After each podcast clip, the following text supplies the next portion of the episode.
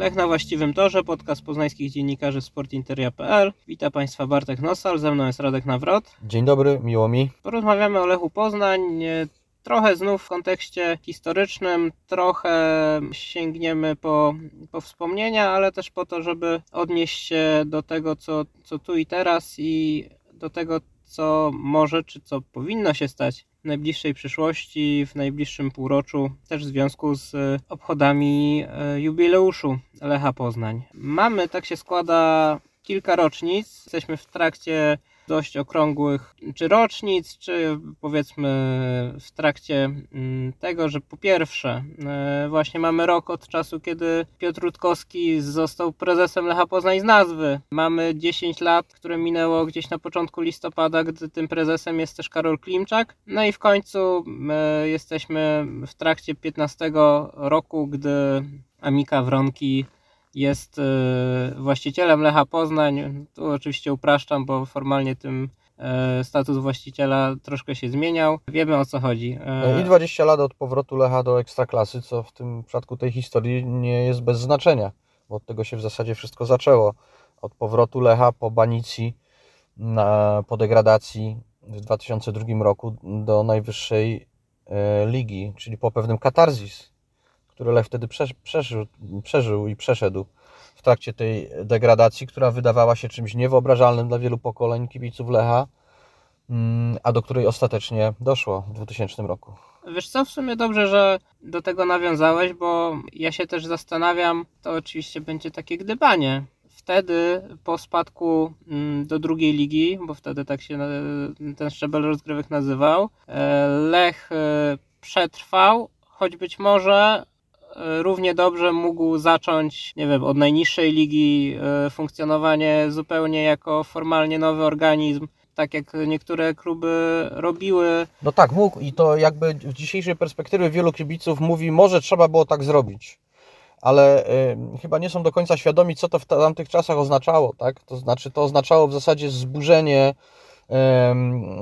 y, to się jawiło jako zburzenie wszystkiego, co do tej pory za klubami piłkarskimi, za markami piłkarskimi w Polsce stało. No wtedy w zasadzie wszystkie marki w Polsce przeżywały potężny kryzys, który był pokłosiem oczywiście zmian ustrojowych i gospodarczych w kraju w, w latach 90. i on uderzył w, w każdego, od, od Szczecina po Kraków.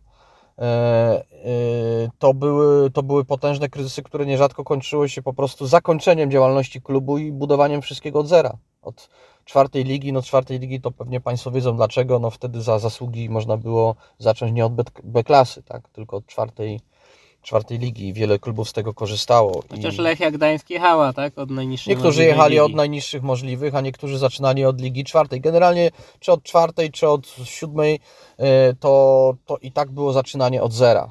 E, czyli e, to było dla kibiców takich klubów potężnym wstrząsem, bo to mamy kluby o jakiejś tam tradycji kilkudziesięcioletniej, niektórych nawet, nawet starsze i nagle zostaje to przerwane, tak, zaorane e, i w zasadzie tasujemy i rozdajemy karty na nowo. Bardzo trudny moment dla niemal wszystkich. I Lech tamtego okresu to jest Lech, który się bardzo tego boi boi się tego sam klub i boją się tego kibice. Bo też w tamtym momencie yy, nie mieliśmy też takich przykładów yy, klubów, które już tę drogę zdążyły przejść. Yy, tak, tak. I jakby tak. z tego też myślę ten strach wynikał, bo dzisiaj możemy wiemy o tym, że Lechia Gdańsk tę drogę przeszła. przeszła. Pewnie było to zdrowsze. No nie wiem, czy zdrowsze, klubu. bo wiemy, co się działo w tych niższych ligach i to były Też o tym, prawda. o tym historie dosyć mrożące krew w żyłach, także to było wszystko na zasadzie musimy sobie jakoś pomóc yy, w taki czy inny sposób, żeby przeżyć ten trudny moment. Lech tego na pewno chciał uniknąć i, i e, kibice w latach 90., czy w czasie degradacji Lecha, z którymi się wtedy rozmawiało, to na, na dźwięk tego, że możemy być w B-klasie albo w czwartej lidze, to dostawali po prostu gęsiej skórki. To w ogóle nie wchodziło w grę. Akcja ratunkowa pod tytułem e, Ocalić Lecha Poznań to była akcja, która miała doprowadzić właśnie do tego, żeby do tego nie doszło, żeby Lech utrzymał się na powierzchni, ponieważ gdzieś z tyłu głowy wszystkich ludzi było to, że a co będzie, jeśli Lech nie powstanie z popiołów. Jeśli ta historia się skończy. Po prostu.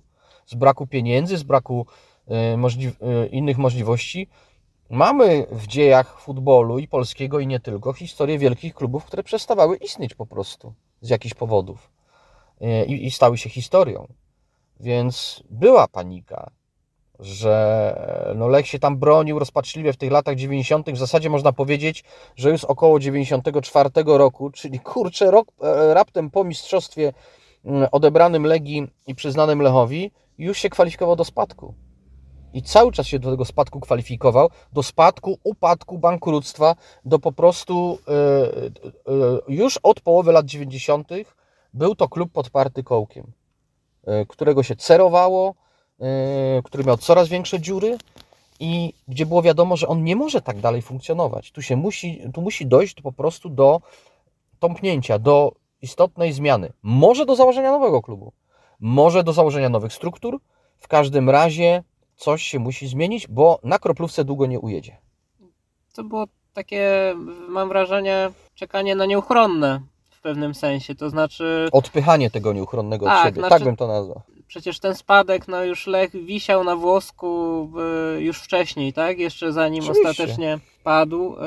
E... 96, 97, w 98 to w ogóle jakiś cud go uratował i 3-0 z Legią.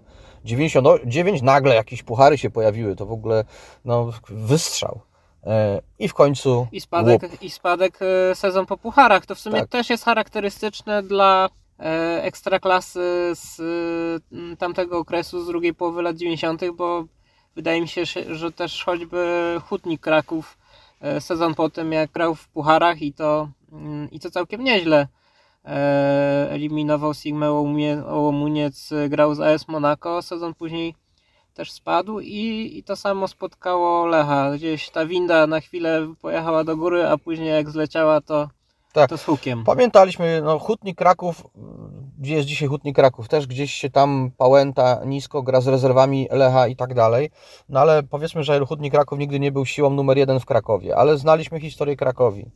E, która e, niegdyś wielki klub mistrzowski potem spędziła całe dziesięciolecia w trzeciej lidze. No w ogóle moje całe dzieciństwo to jest e, jakby wracanie gdzieś do tego, że Krakowia była mocnym klubem, to dla mnie to się wydawało niepojęte, tak? Bo jak tak. gdzieś w tabelach, w gazecie czy w nie wiem, sportowej niedzieli była pokazywana tabela pierwszej, drugiej ligi, no to przecież tam Krakowi nie było. Jak cię nie było w pierwszej, drugiej lidze, to trochę tak jakby cię w ogóle nie było. E, powrót e, do dawnej pozycji dużej marki piłkarskiej nie jest wcale sprawą taką oczywistą i nieuchronną, że jak spadnie, to dobra, dobra, zaraz wróci. Zobaczmy, ile czasu męczą się widzę z UKS-em, żeby wrócić.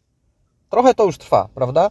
I, e, a, a czasy są już teraz inne, bo z polskiego futbolu zostały wyeliminowane efemerydy powstające w małych miejscowościach, Grodzisk Wielkopolski, nie wiem, Szczakowianka Jawożno, Radomsko, kluby, Nieciecza które Bełchatów też, tak, Nieciecza jest tutaj takim wyjątkiem, ale wie, wtedy, na początku XXI wieku, jak proszę sobie spojrzeć na tabelę Ekstraklasy, kto w niej grał, jak ona wyglądała. Nie było wielkich, wielu wielkich, dużych firm, które gdzieś walczyły z problemami w niższych ligach, a były właśnie kluby znacznie, znacznie mniejsze, e, z małych miejscowości, których kaprys y, jakiejś firmy, bogatego człowieka, kogoś, kto miał pieniądze i lubił futbol, sprawił, że one były w stanie wykorzystać tę lukę, która wtedy powstała, mm, kiedy rozsypał się futbol, jaki znaliśmy z lat wcześniejszych. Futbol oparty na formujących się przez całe dekady dużych, znanych markach piłkarskich. No i tu w sumie już to zapowiedziałeś, więc płynnie możemy przejść do, do tego momentu w y, historii Lecha Poznań, kiedy z jednej strony w Poznaniu było to poczucie, że już dłużej tak funkcjonować się za bardzo nie da, bo zwyczajnie brakuje środków, a z drugiej strony e, we Wronkach e, stabilny, mały, wypłacalny, czy wręcz dobrze płacący klub, jakim była Amika. I środki były. Klub regularnie grający w europejskich pucharach, a jednocześnie klub, który nie był w stanie może też e, zabrakło tej determinacji. E, nie, to było, to było niewykonalne. Mistrzostwa chyba. Polski nigdy nie zdobył. To jest po, też, powiem to... Ci tylko jedną rzecz. E, jak sobie przeglądałem teksty z Gazety Wyborczej, w dużym stopniu też Twoje teksty z tamtego okresu, to natknąłem się na taki tekst sprzed początku sezonu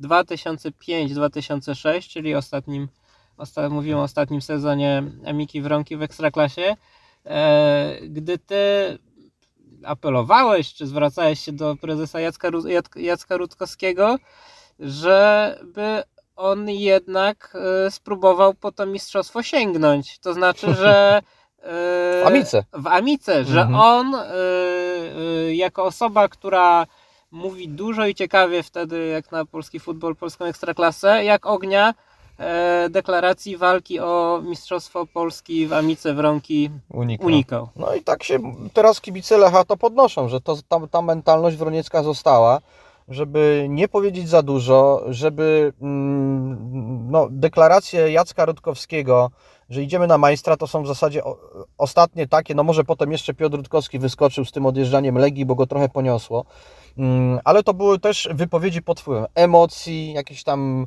takich czynników sprawiających, wprawiających człowieka w euforię, których potem ludzie związani z Amiką żałowali, bo oni uważali, że lepiej być cicho, zamknąć dziób, i zrobić swoje. No problem polega na tym, że Amika Wronki swojego nie zrobiła. To znaczy cały czas w Amice Wronki istniała taka, takie przeświadczenie, że jak my gramy w pucharach, to w sumie jest całkiem nieźle. Bo marka e, pokazuje się w Europie. Realizujemy swój cel, o Amice się pisze, o Amice się mówi, o Amika jest pokazywana i tak dalej, yy, i tak dalej. Więc czy to jest mistrzostwo, czy to jest miejsce drugie, czy to jest miejsce trzecie, to aż takiego istotnego znaczenia czy Puchar Polski. nie ma. Czy Puchar Polski, który zdobyć było w sumie z różnych powodów najłatwiej.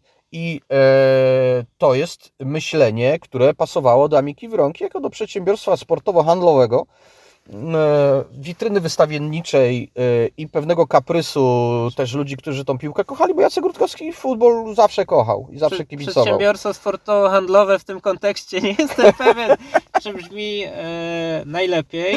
No tak, ale to jest mentalność i to jest podejście, które już całkowicie nie pasowało i nie pasuje do Lecha Poznań, którego celem nie jest to, czy nie tylko jest to, żeby być na powierzchni, unosić się i być widocznym, ale żeby wygrać.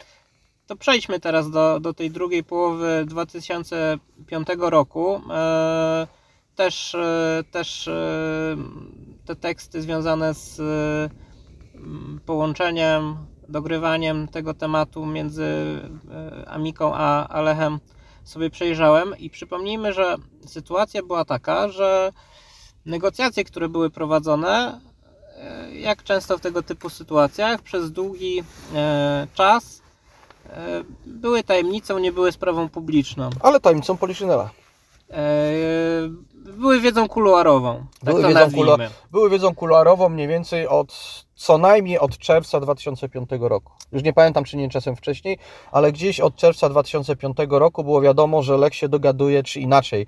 E, prezes Majszak i tercet MLS próbuje się porozumieć e, z Amiką Wronki, z prezesem Jackiem Rutkowskim i zrobić to, czego nigdy nie udało się zrobić z, z wcześniejszymi kandydatami do kupienia Lecha, na przykład z Janem Kulczykiem, domniemanym kandydatem, chociaż wydaje mi się, że w jego przypadku nie możemy mówić o tym, że był kandydatem domniemanym, ponieważ on to powiedział e, publicznie.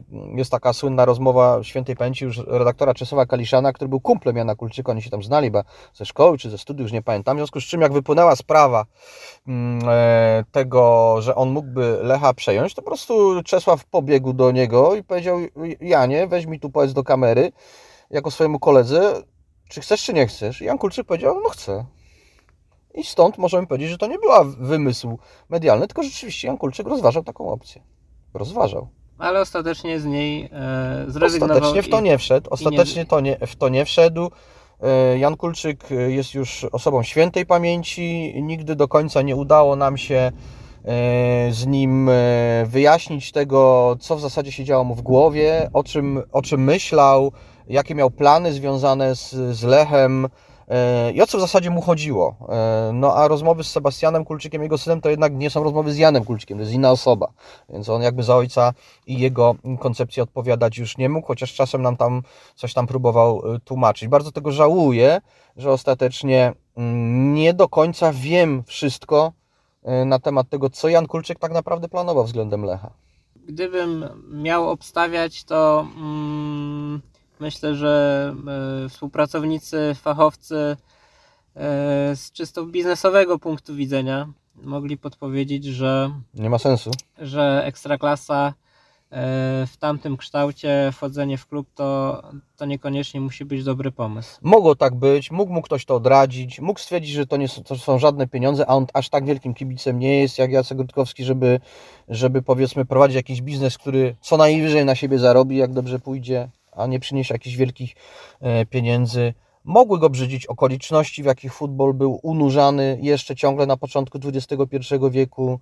E, Mogły go odstraszyć niejasności związane z, ze strukturą, długami i w ogóle całą tą historią otaczającą Lecha, że to nie jest taki biznes łatwy, jakby mu się mogło wydawać. A mógł po prostu mieć inne plany związane, nie wiem, z ropą w Afryce, z, z czymkolwiek, co jest na dużo większą skalę niż polska piłka nożna. Jacka Rutkowskiego e, te różne sprawy, o których mówisz, nie odstraszyły. On w tym futbolu już był e, we wronkach.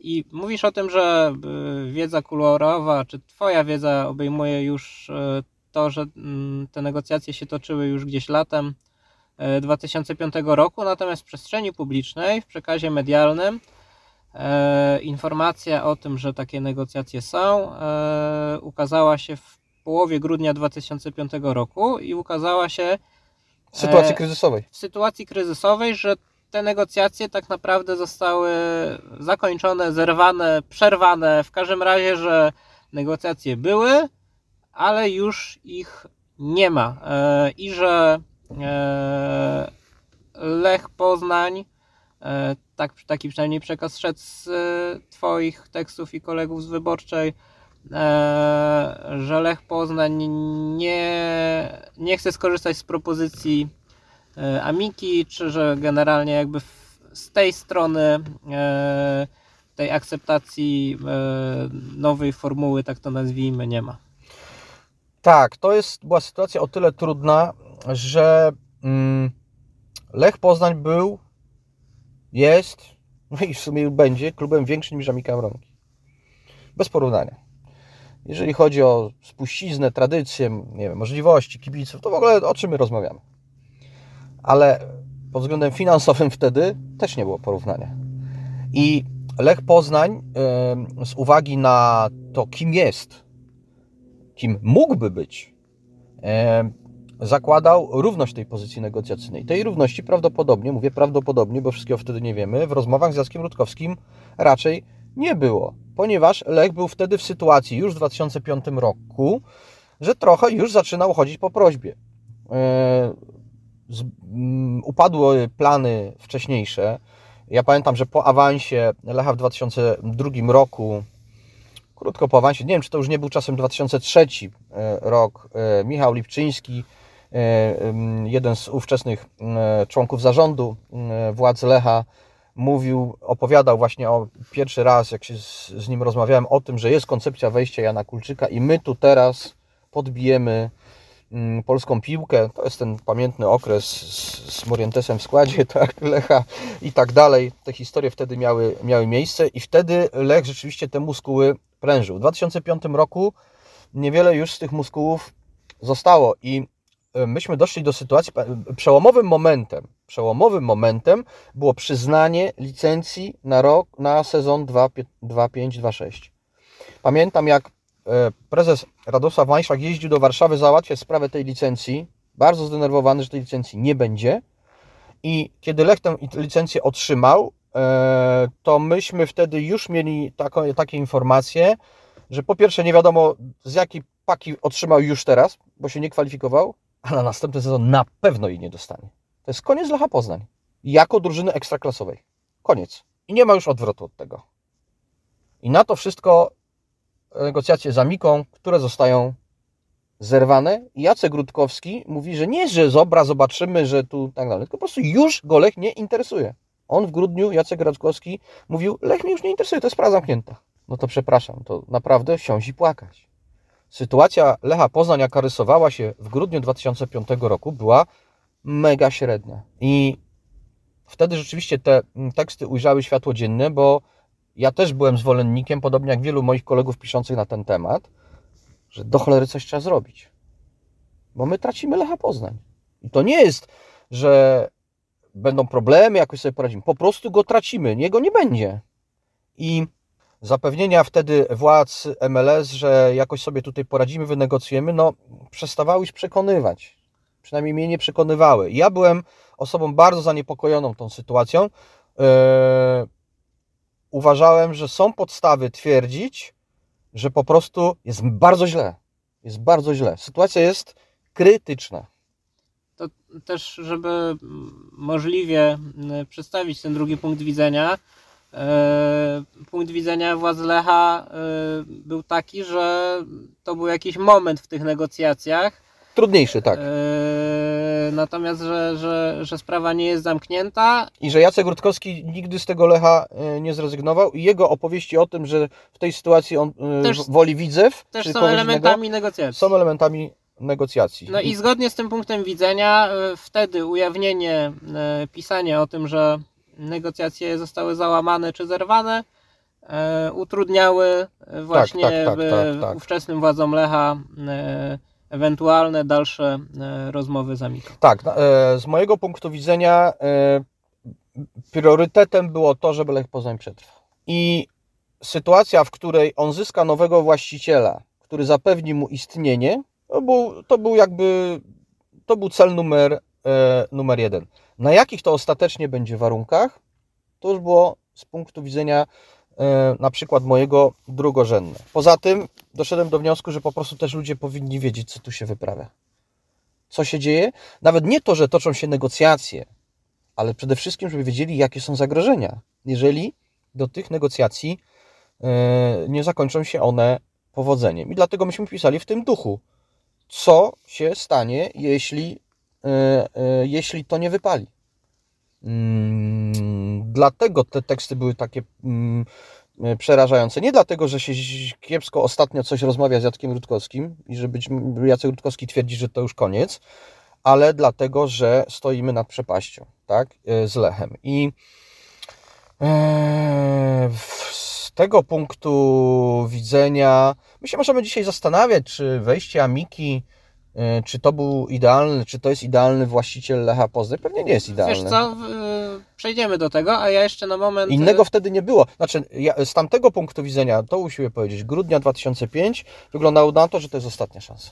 Wejdę na moment w buty e, naszych odbiorców, słuchaczy, czytelników, e, którzy mogą w tym momencie, w ich imieniu zadam pytanie, no dobrze, czemu, skoro e, była taka wiedza wśród e, poznańskich dziennikarzy, że te negocjacje są, czemu od razu e, o tym nie pisaliście, nie mówiliście, nie ujawnialiście, tak? To znaczy, chodzi mi o punkt widzenia osób, które uważają, że jeżeli dziennikarz coś wie, od razu powinien to przekazywać swoim odbiorcom chciałbym, żebyś jakby na, na, to, na to zaprojektowane przeze mnie pytanie od razu też odpowiedział, bo domyślam się, że inaczej e, mielibyśmy dogrywkę na Twitterze. Powód był taki, że my nie mówimy o sytuacji, w której Lech negocjuje kupienie piłkarza z Wybrzeża Kości Słoniowej i albo go będzie miał, albo nie, a jak go nie będzie miał, to sobie kupi innego z Kamerunu. I albo będzie miał napastnika, albo nie, a jak nie będzie miał, to coś tam sobie wymyśli tylko my mówiliśmy o sytuacji być albo nie być klubu. O klubu yy, o ponad 80-letniej tradycji, ważnego dla ludzi. I te sygnały, które docierały, że Lech rozmawia z Amiką, znaczy po pierwsze nie było do końca wiadomo, bo to też nie jest tak, że myśmy mieli pełną wiedzę na temat tego, co tam, o czym oni rozmawiają, jak wyglądają negocjacje i w jaką idą stronę. Wiedzieliśmy tylko, że takie rozmowy są prowadzone. E, natomiast e, wszystkie strony tych negocjacji mówiły, że przecieki prasowe właśnie położą tamę temu przedsięwzięciu i, ostatecznie do tego nie dojdzie. To było też tak, że.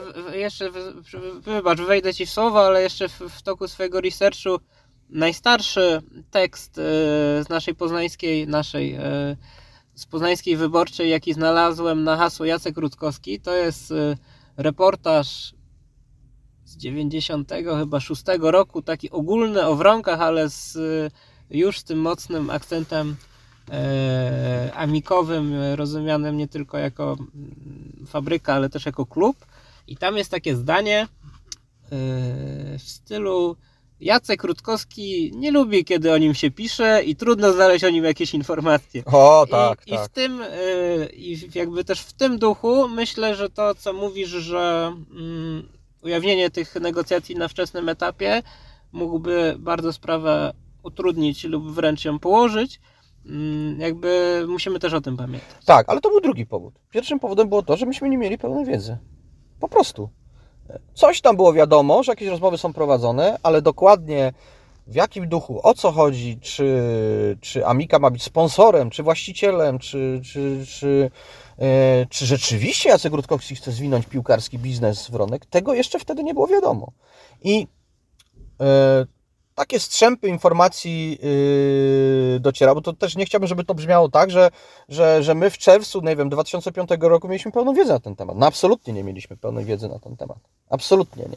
Ona sobie tam, ta wiedza była składana jak klocki, jak puzzle. Klocek do klocka, klocek, aha, czyli tak, aha, czyli tak, czyli to idzie w tą stronę, idzie tą, tą stronę. Zresztą wydaje mi się, że chyba latem 2005 roku to by trzeba zapytać, czy Jacka Rutkowskiego, czy MLS-u, też te rozmowy nie były aż tak bardzo zaawansowane, żeby na przykład można było postawić tezę już wtedy, a Mika może być nowym właścicielem Lecha. Nie wydaje mi się, ale mm, pewien nie jestem. Po prostu to pączkowało, to się rozwijało, to było, ewoluowały te, mm, te, te rozmowy i w tamtych czasach po pierwsze nie było wiedzy dostatecznej, żeby je śledzić dzień w dzień na bieżąco i robić live'y i, i no wtedy się, no robiło się już live'y i w ogóle generalnie dostarczać codziennie informacji na ten temat, bo po prostu tych informacji brakowało.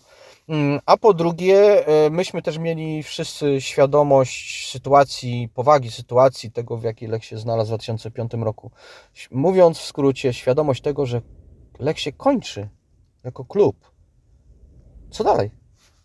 Czy dla Ciebie wobec tego mm, tym najbardziej prawdopodobnym scenariuszem, gdyby mm, ten deal nie został dopięty, byłoby to, że a Lech bez licencji kończy, zaczyna tak naprawdę kolejny sezon w niższej lidze albo jeszcze, jeszcze jakieś pięterka niżej.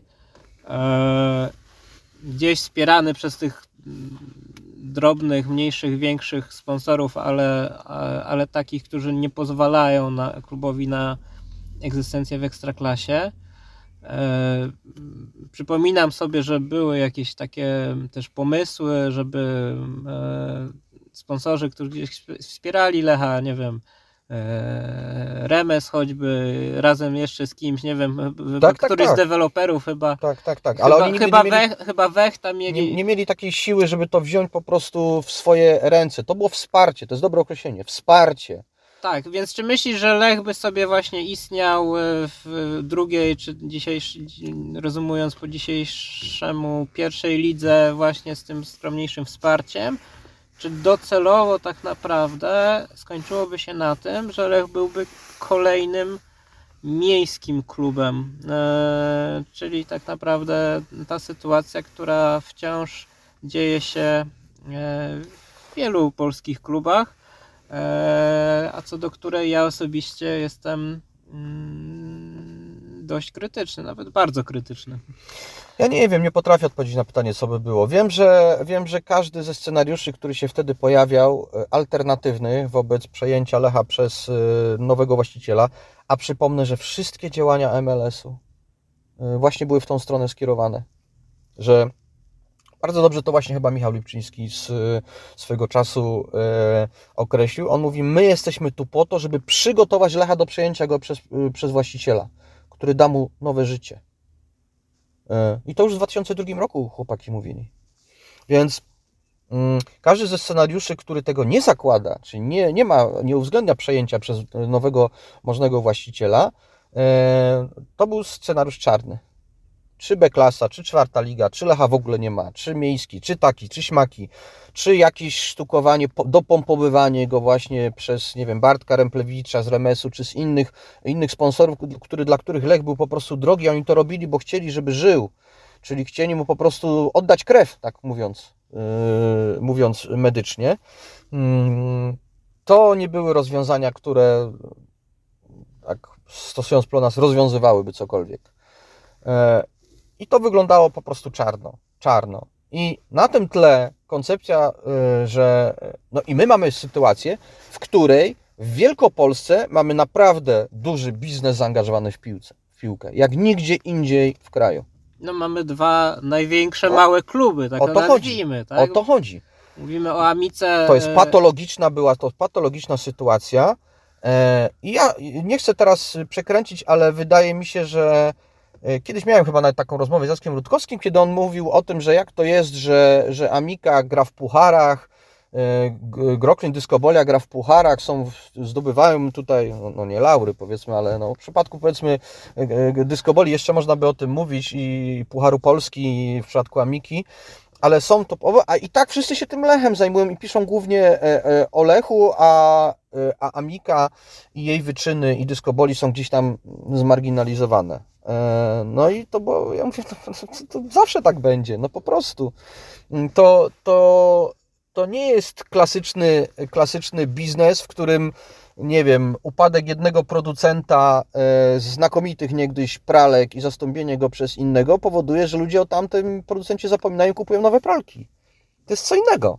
I, I wydaje mi się, że Jacek Rutkowski to w pewnym momencie po prostu zrozumiał, że Amika nigdy nie będzie, Amika Wronki nigdy nie będzie klubem piłkarskim, który będzie dostarczał ludziom tego rodzaju emocji, że to są emocje generowane raczej sztucznie, e, raczej e, punktowo i jednorazowo, że to nie jest to. To nie jest to. I teraz mamy sytuację, w której klub, który, o którym można powiedzieć, że to jest to, upada, a wokół wyrastają e, efemerydy i twory. No nie chciałbym by tu- być przykry dla tych małych klubów, ale trochę dziwne, które mają niby jakoś być jego awatarami, e, surogatami, jakoś go zastąpić, a nie są w stanie tego zrobić. Patologia, to nie ma sensu. Jakby się na to z dzisiejszej perspektywy spojrzymy, to przecież to jest kuriozalna jakaś historia. Kuriozalna mapa futbolu e, w Wielkopolsce. Absurd totalny. To, co się wtedy wy- wyprawiało. I dla mnie, z mojego punktu widzenia, wejście inwestorów, którzy do tej pory robili sobie biznes gdzieś tam w mniejszych miejscowościach, do klubu, który jako jedyny ma sens, żeby naprawdę rozwinąć skrzydła, to jest, to, to jest tak naprawdę droga do normalności. E, skończenie z, przepraszam, idiotyzmami, które miały miejsce wcześniej. Ostatecznie e, Jacek Rutkowski Lecha e, przejął. E, Czy ten okres, kiedy jako właściciel był tak naprawdę szefem klubu, tak to możemy nazwać, był też w pewnym stopniu twarzą tego projektu, jak- to się określa czasami biznesowo. E, Dla ciebie to była taka e, zmiana, jakiej oczekiwałeś, a jednocześnie czy nie wiązało się, czy ten rozjazd między oczekiwaniami a rzeczywistymi wynikami e, gdzieś e, w czym upatrujesz z perspektywy czasu, że, że, że tak to się skończyło. Mieliśmy te deklaracje, ja chyba wtedy byłem e, akurat w Multikinie, kiedy padło to hasło o tym, że idziemy na majstra. Byliśmy razem w. Tak, pamiętasz jaka była wtedy atmosfera, nie? Wszyscy tacy, Jacek Rutkowski uległ tej atmosferze. Tak, tak było. Byłem w e, Chorzowie, gdy Lech zdobył Puchar Polski, ostatni Puchar Polski. E, wtedy traktowany e, w związku z przegraniem Mistrzostwa Polski Jezu, to w ogóle ja- jak to- jako jak- puchar pocieszenia. Jak to brzmi? To jest 2009 rok i to jest ostatni puchar Polski zdobyty przez Lecha. Puchar zdobyty na smutno, tak bym to określił. E, No i w końcu, mm, jeśli chodzi o, o, o ten okres y, Mistrzostwo Polski 2010, e, jak ty podchodzisz do tego okresu e, właśnie szefowania Jacka Rutkowskiego? Mm, Nakreślmy też ten krajobraz, że mówimy o czasie, kiedy jeszcze mocna była Wisła Kraków, Tak. nie tak mocno jak w tym pierwszym, że tak powiem, rzucie, to znaczy mm, nie odsadzała tak ligi jak Tak, wtedy, ale była faworytem. e, ale była faworytem. I Lech w jednej chwili e, sprawiał, że przestaje być. Naprawdę. wciąż mocna była Legia, chociaż ona w, przechodziła różne zawirowania, ale Nadal Lech przykrywał ją również, przykrywał m- w mojej ocenie wtedy czapką. no i mamy wyniki, które chyba nie odpowiadały jednak tym Ale oczywiście, że tak. i, rzeczy, i, i tak naprawdę realnym możliwościom. Oczywiście, że tak. Ja to specjalnie to podkreślam. E, Chwiejąca się już trochę Wisła, to znaczy schyłkowy okres Wisły, z którą Lech Jacka Rutkowskiego, rodziny Rutkowskich, spokojnie mógł podjąć walkę. Zresztą podjął. E, Legia Warszawa, o której wtedy nie mogliśmy mówić tak jak dzisiaj, że, że możliwości finansowo-organizacyjne Warszawy są tak duże, że naprawdę podjęcie walki z Legią jest bardzo trudnym zadaniem i możliwym dopiero w sytuacji, kiedy e, Legia sama się po prostu skopie w swój tyłek. E, Tylko wtedy Legia nie miała aż takiej siły i Lek spokojnie mógł ją stłamsić. I to jest bardzo ważne, bo my w 2006 roku widzieliśmy Lecha jako tę drużynę, która po prostu staje się nową Wisłą Kraków. Przejmuje palmę pierwszeństwa w Polsce.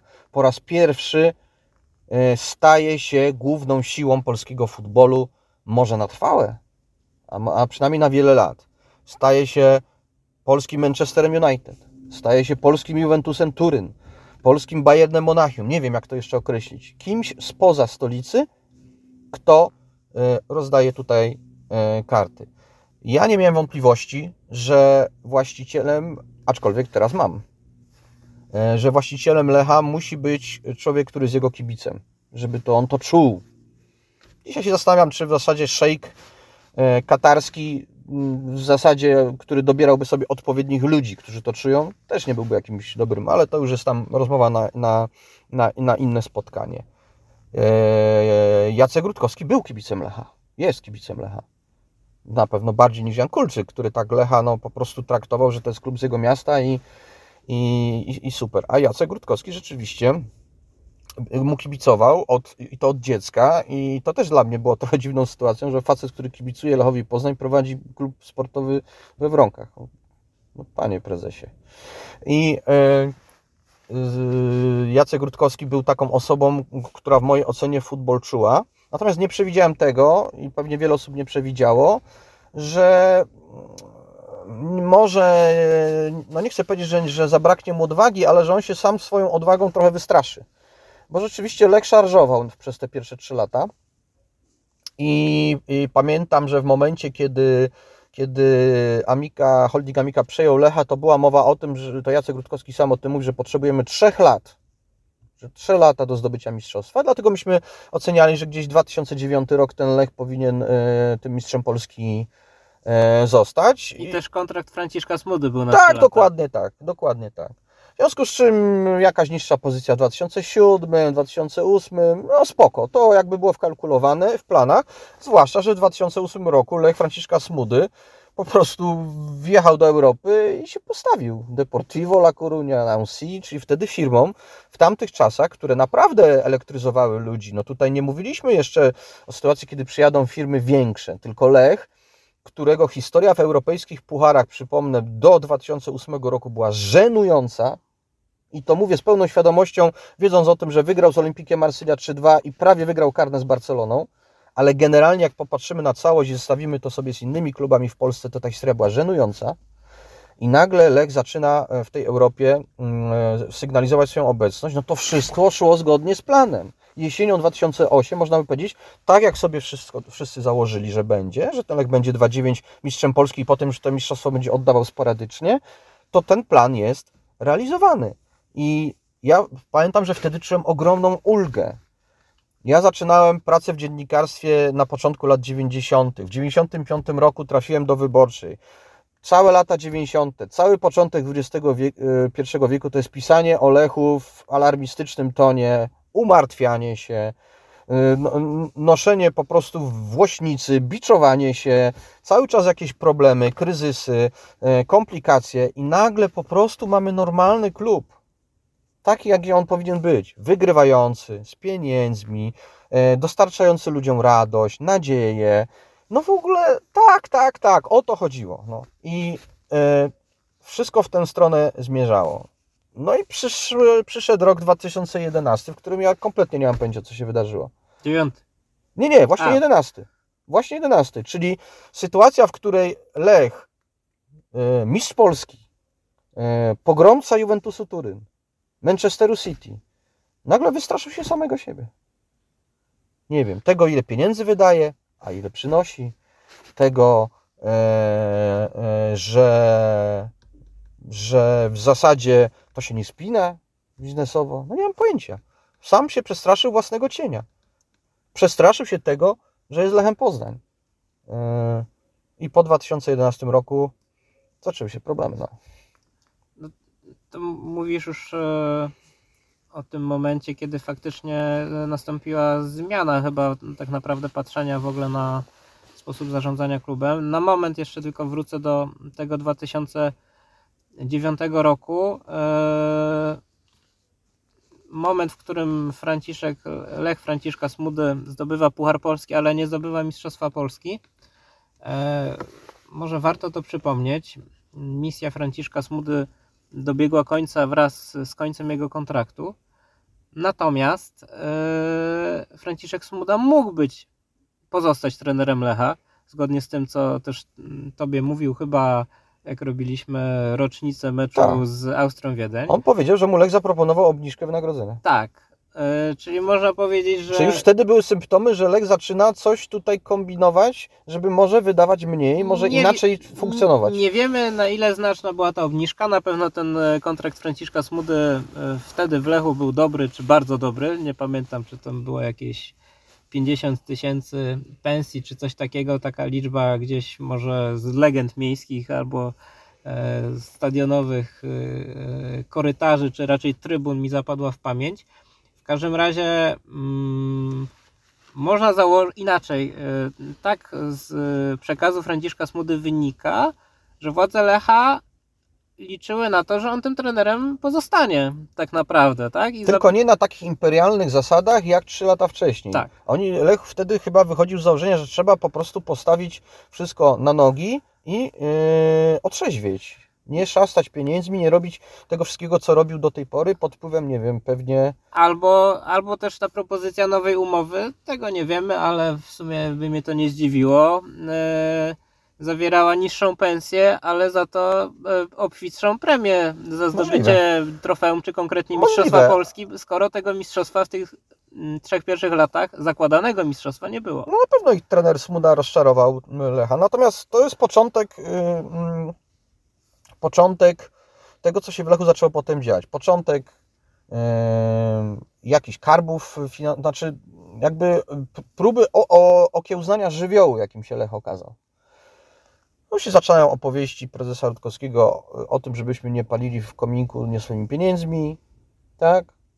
To są takie przebłyski tego, że Lech się zmienia że to już nie jest po prostu szarżujący żubr, tylko, y, tylko y, to już jest zupełnie inny, y, inny klub, w którym ktoś, kto nim zarządza, doszedł do wniosku, że do tej pory to jego funkcjonowanie było zbyt beztroskie. I też e, efektem tego jest zmiana na fotelu prezesa. Oczywiście prezes Ka- Karol Klimczak był osobą, która przyszła, żeby z, urealnić, zracjonalizować politykę finansową Lecha Poznań. Żeby się- wyciągnąć go z kryzysu. Przypomnijmy, że mówimy o tym, że to kiedyś Karol Klimczak mi powiedział w, w rozmowie, jak jeszcze, jeszcze tych wywiadów udzielał, że po prostu myśmy stanęli w 2011 roku w obliczu bankructwa Lecha. Tego Lecha, który miał nigdy nie zbankrutować. Już. Tak, no to jest punkt widzenia prezesa e, Karola Klimczaka. Też e, przypominam, że w sumie e, to widmo bankructwa było e, przedstawiane choćby teraz e, przy okazji mm, pandemii.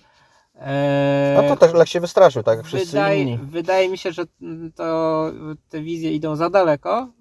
Taki jest mój punkt widzenia. Ale dobrze że na to zwrócić uwagę, bo zobacz, zwróć uwagę, bo wtedy, jak była pandemia, też pamiętam, rozmawiałem z prezesem Karolem Klimczakiem i on mówił o tym, że musimy brać pod uwagę taką ewentualność o bankructwie.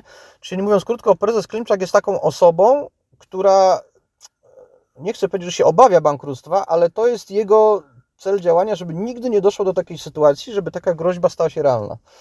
No tak, tym niemniej o tych groźbach i wtedy, i, i teraz niedawno e, głośno prezes Klimczak mówił. E, kiedy rozmawiałem e, sobie o tamtej sytuacji z 2011 roku e, z osobami e, wtedy pracującymi w klubie, e, to przeświadczenie na temat e, tego, mm, tej misji, tak to nazwijmy, czy roli prezesa Karola Klimczaka, takie przeświadczenie wewnątrzklubowe było, że jest to, e, że jest to prezes na jakiś czas, to znaczy na, O, na y, czas wyprostowania tak, właśnie tak, tych tak. różnych e, ma powstrzymać sy- y, sytuacji finansowej, powódź. czyli na, na jakiś czas, na parę lat.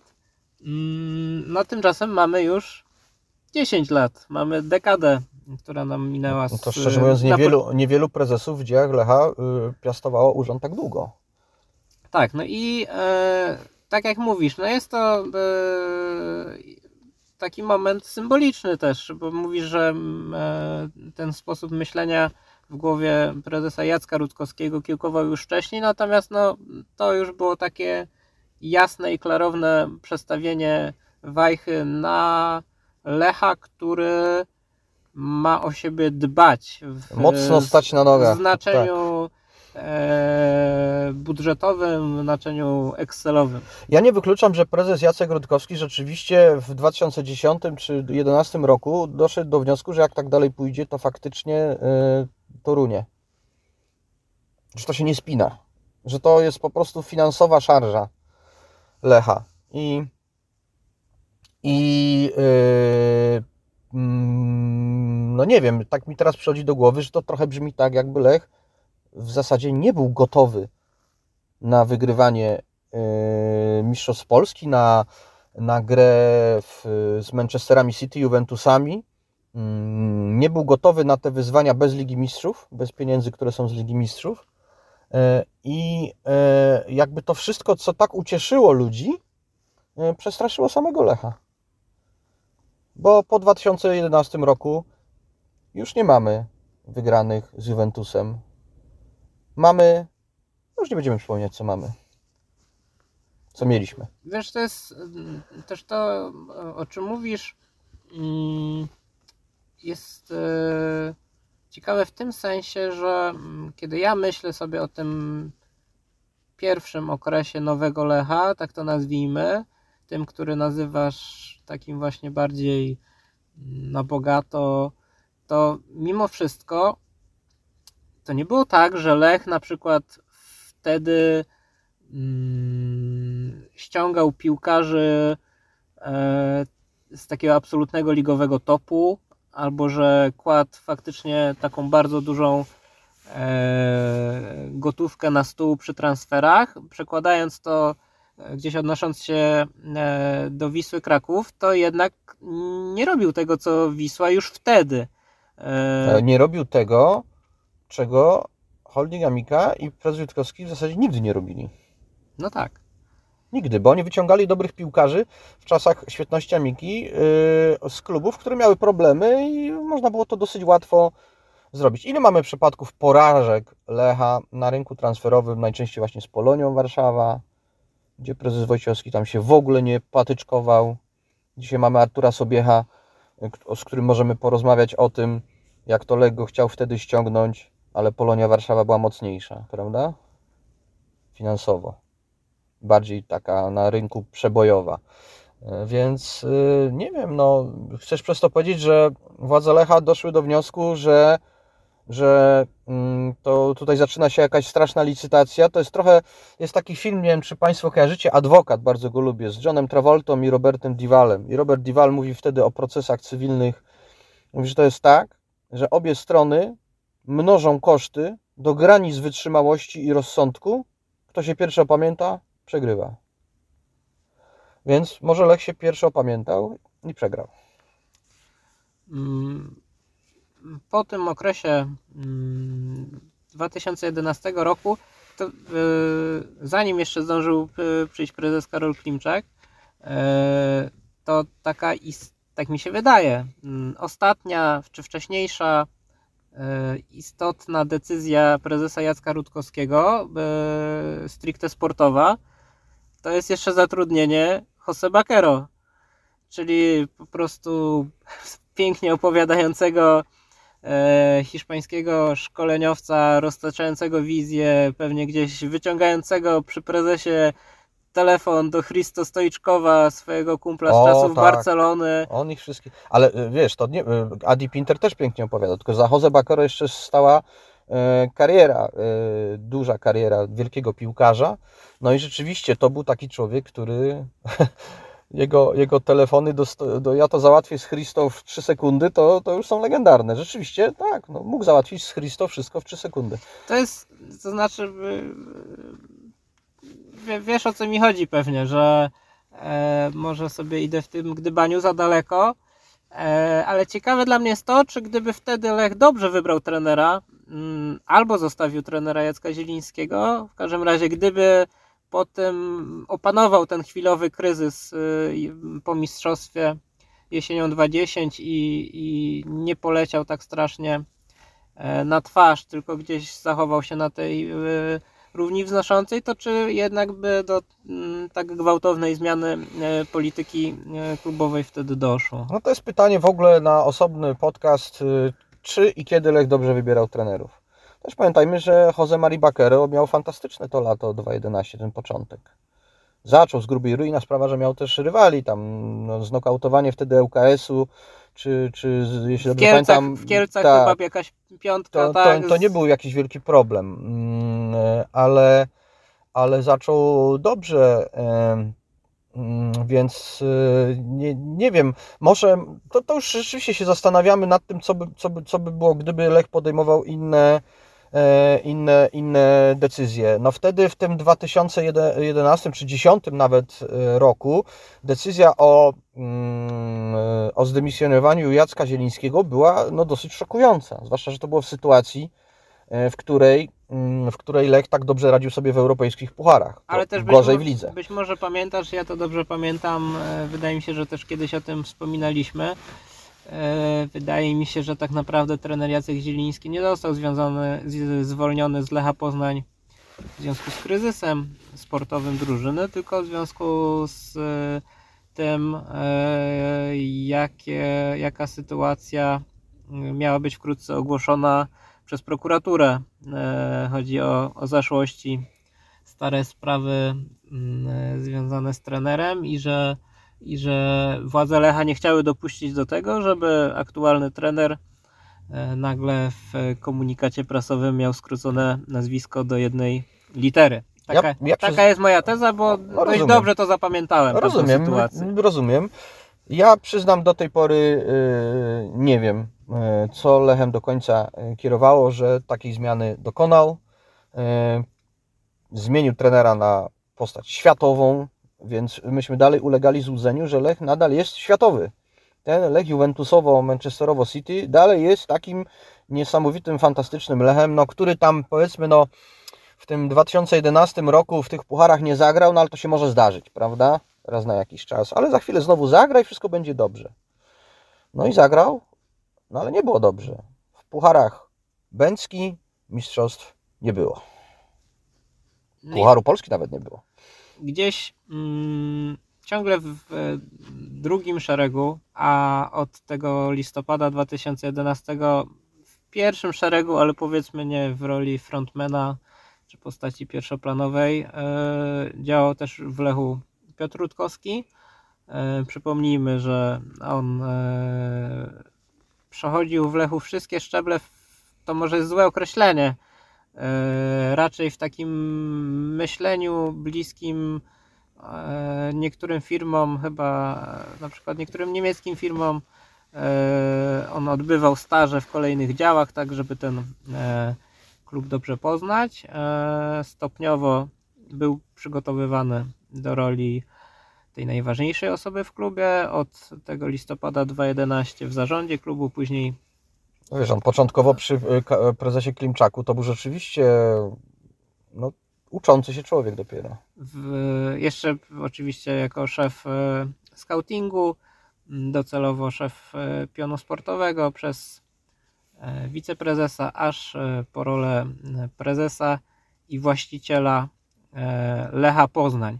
Czy, mm, czy wtedy, jak, mm, jak, jak sobie pomyślisz o tych latach wcześniejszych, czy mm, ty miałeś takie poczucie, że albo czy tak to było przedstawiane mniej lub bardziej wprost, że ta e, zmiana władzy, ta sukcesja tak naprawdę e, z ojca na syna nastąpi, czy też sam Jacek Rutkowski mm, tak naprawdę o tym, o tym mówił mniej lub bardziej wprost, że, e, że on się z czasem wycofa, żeby, żeby przekazać stery swojemu synowi? Wiesz co, ja, ja nie pamiętam, kiedy on zaczął o tym po raz pierwszy mówić. Być może, nie siedzę w, w, głowie prezesa Jacka Rutkowskiego, może rozważał to od początku.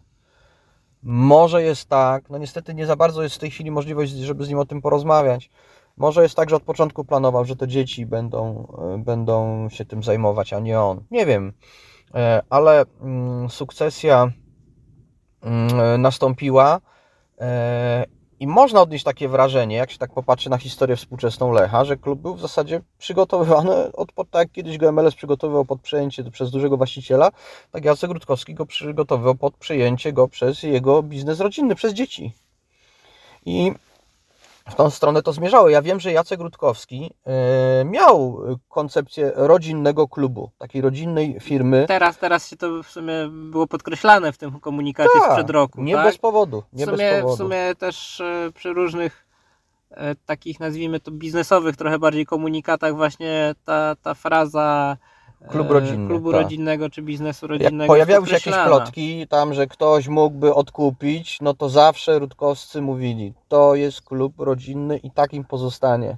A to wiesz co? Czyli to jest, przepraszam ci przerwę, to jest trochę tak jak, nie wiem, e, no nie chcę tu używać e, jakichś marek, ale no nie wiem, pierwsze z brzegu co mi przychodzi, jakieś Ferrero powiedzmy, tak, e, który zakłada dawno temu biznes produkujący łakocie i po prostu, czy Gucci teraz jest po tym filmie i kolejni jego e, e, wstępni zajmują się tym biznesem i go prowadzą. Chociaż Gucci już nie prowadzi, taka była Bardzo dobra puenta. W końcu się okazuje, że jednak kto inny przejmuje taki biznes i zostaje tylko, tylko marka. Yy, Mówisz o tym inaczej, mówisz o tym, że, że ten argument padał, kiedy pojawiały się ewentualne plotki. Nawet tych plotek nie było za dużo, prawdę mówiąc. No bo twardo Rutkowscy stali przy tym, tak, że klub, tak. klubem będziemy zarządzali my i to się nie zmieni. Natomiast takich plotek, no już totalnie po prostu oderwanych od rzeczywistości, przynajmniej z tego co wiemy, no to była mowa parę lat temu o Volkswagenie. e, Ale racji- Volkswagen się pojawia zawsze, Tak, tak, taki dyżurny, dy, dyżur, bo to jest duży koncern, który ma po prostu biznes tutaj w regionie, no i dlatego. No i chyba jedynym e, jedynym e, podmiotem, który był skłonny wejść w Lecha przez tych 15 lat, mm, może ty patrzysz na to inaczej, był e, sponsor czy, czy mm, szef e, PBG, który miał też e, koszykarzy, e, który chciał z tych koszykarzy zrobić Lecha, a nie mógł, tylko grał jako PBG Basket Poznań. Pamiętam taką dużą rozmowę, którą chyba robiłeś z, z Piotrkiem Leśniowskim. Z, Tak, byliśmy u prezesa, y, u niego w gabinecie i on nam rzeczywiście powiedział, jestem gotów rozmawiać z prezesem Rutkowskim o tym, żeby Lecha, y, do Lecha wejść. I to był chyba, dla mnie to jest e, jedyna taka sytuacja, kiedy mogliśmy przez tych 15 lat mówić o jakiejś alternatywie, natomiast no, puenta też jest taka, że mm, Że nie, po Kilk- prostu nie. No. to po pierwsze, a po drugie, że PBG e, kilka lat później już wpadło w potężne kłopoty. No tak, tak, ale wydaje mi się, że ten, y, y, że no, może faktycznie jest Lech trochę, y, Lech mm, obecny jest trochę jak, jak koncern Gucci w latach 80. Trochę tak jest. Nie wiem, czy to się skończy tak samo, ale, e, ale e, kolejni e, członkowie... O, oby nie morderstwem, mówmy się. A nie, nie, absolutnie nie miałem tego na myśli. Miałem na myśli po prostu zmianę właściciela. No faktycznie teraz mi przypomniałeś, że tam doszło do dosyć dramatycznych historii. Nie, nie, nie o to chodzi. Ale to jest taka właśnie tego typu firma, firma rodzinna. I no skoro mm, powiedzieliśmy sobie na początku XXI wieku, że to jest jedyny ratunek dla Lecha, no to tak na tej szalupie ratunkowej tak się bujamy przez te 20 lat. No i przed nami jest, e, są obchody stulecia Lecha Poznań.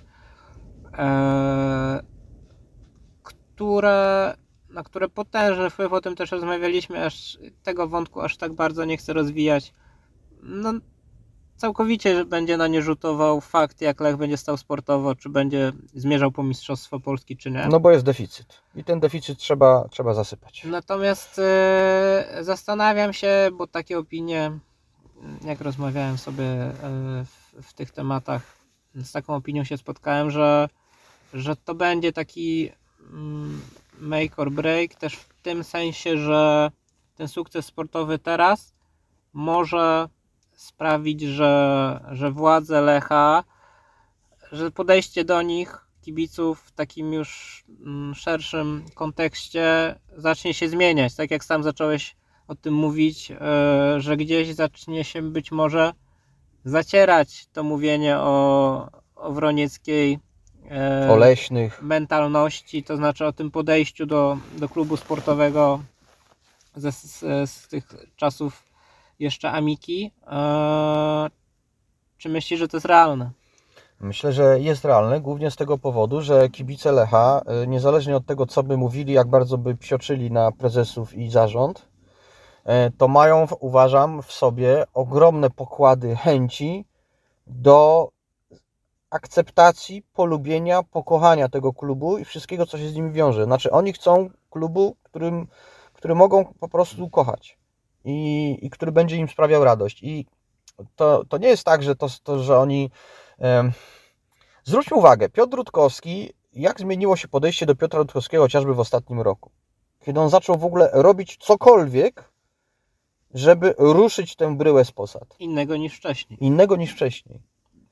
Już e, stosunek do Piotra Rutkowskiego stał się stał się inny. Zaczął robić transfery, e, zaczął, sprowadził trenera, pana trenera Skorże i ludzie to już na tym etapie docenili, więc tym bardziej, gdyby udało się zdobyć to mistrzostwo, to uważam, że jest szansa, żeby to docenili, tylko chcielibyśmy pewnie, żeby to były zmiany trwałe. No, nad Lechem ciąży to, że że jest ten jubileusz. Ja myślę, że to nie jest pora na, na, na, o tym, żebyśmy mówili, co będzie w roku 23, skoro nie wiemy, co będzie w 22. Ale Cały czas aktualna jest wizja z roku 2006. Lech trwale wielki, Lech trwale duży, Lech trwale zdobywający trofea. Może tylko z małymi przerwami i wyjątkami, kiedy ich nie zdobywa, bo się każdemu to może zdarzyć, a nie odwrotnie. Czyli Lech, dla którego zdobycie trofeum jest wyjątkiem. Bardzo jesteśmy ciekawi e, nadchodzących miesięcy. E, będziemy sobie o tym wszystkim rozmawiać w naszym podcaście Lech na właściwym torze. A za ten trochę wspominkowy, ale też e, zerkający do przodu odcinek bardzo dziękujemy. Dziękuję pięknie i życzymy Państwu, aby wizje z roku 2006 rzeczywiście się ziściły. Dziękujemy.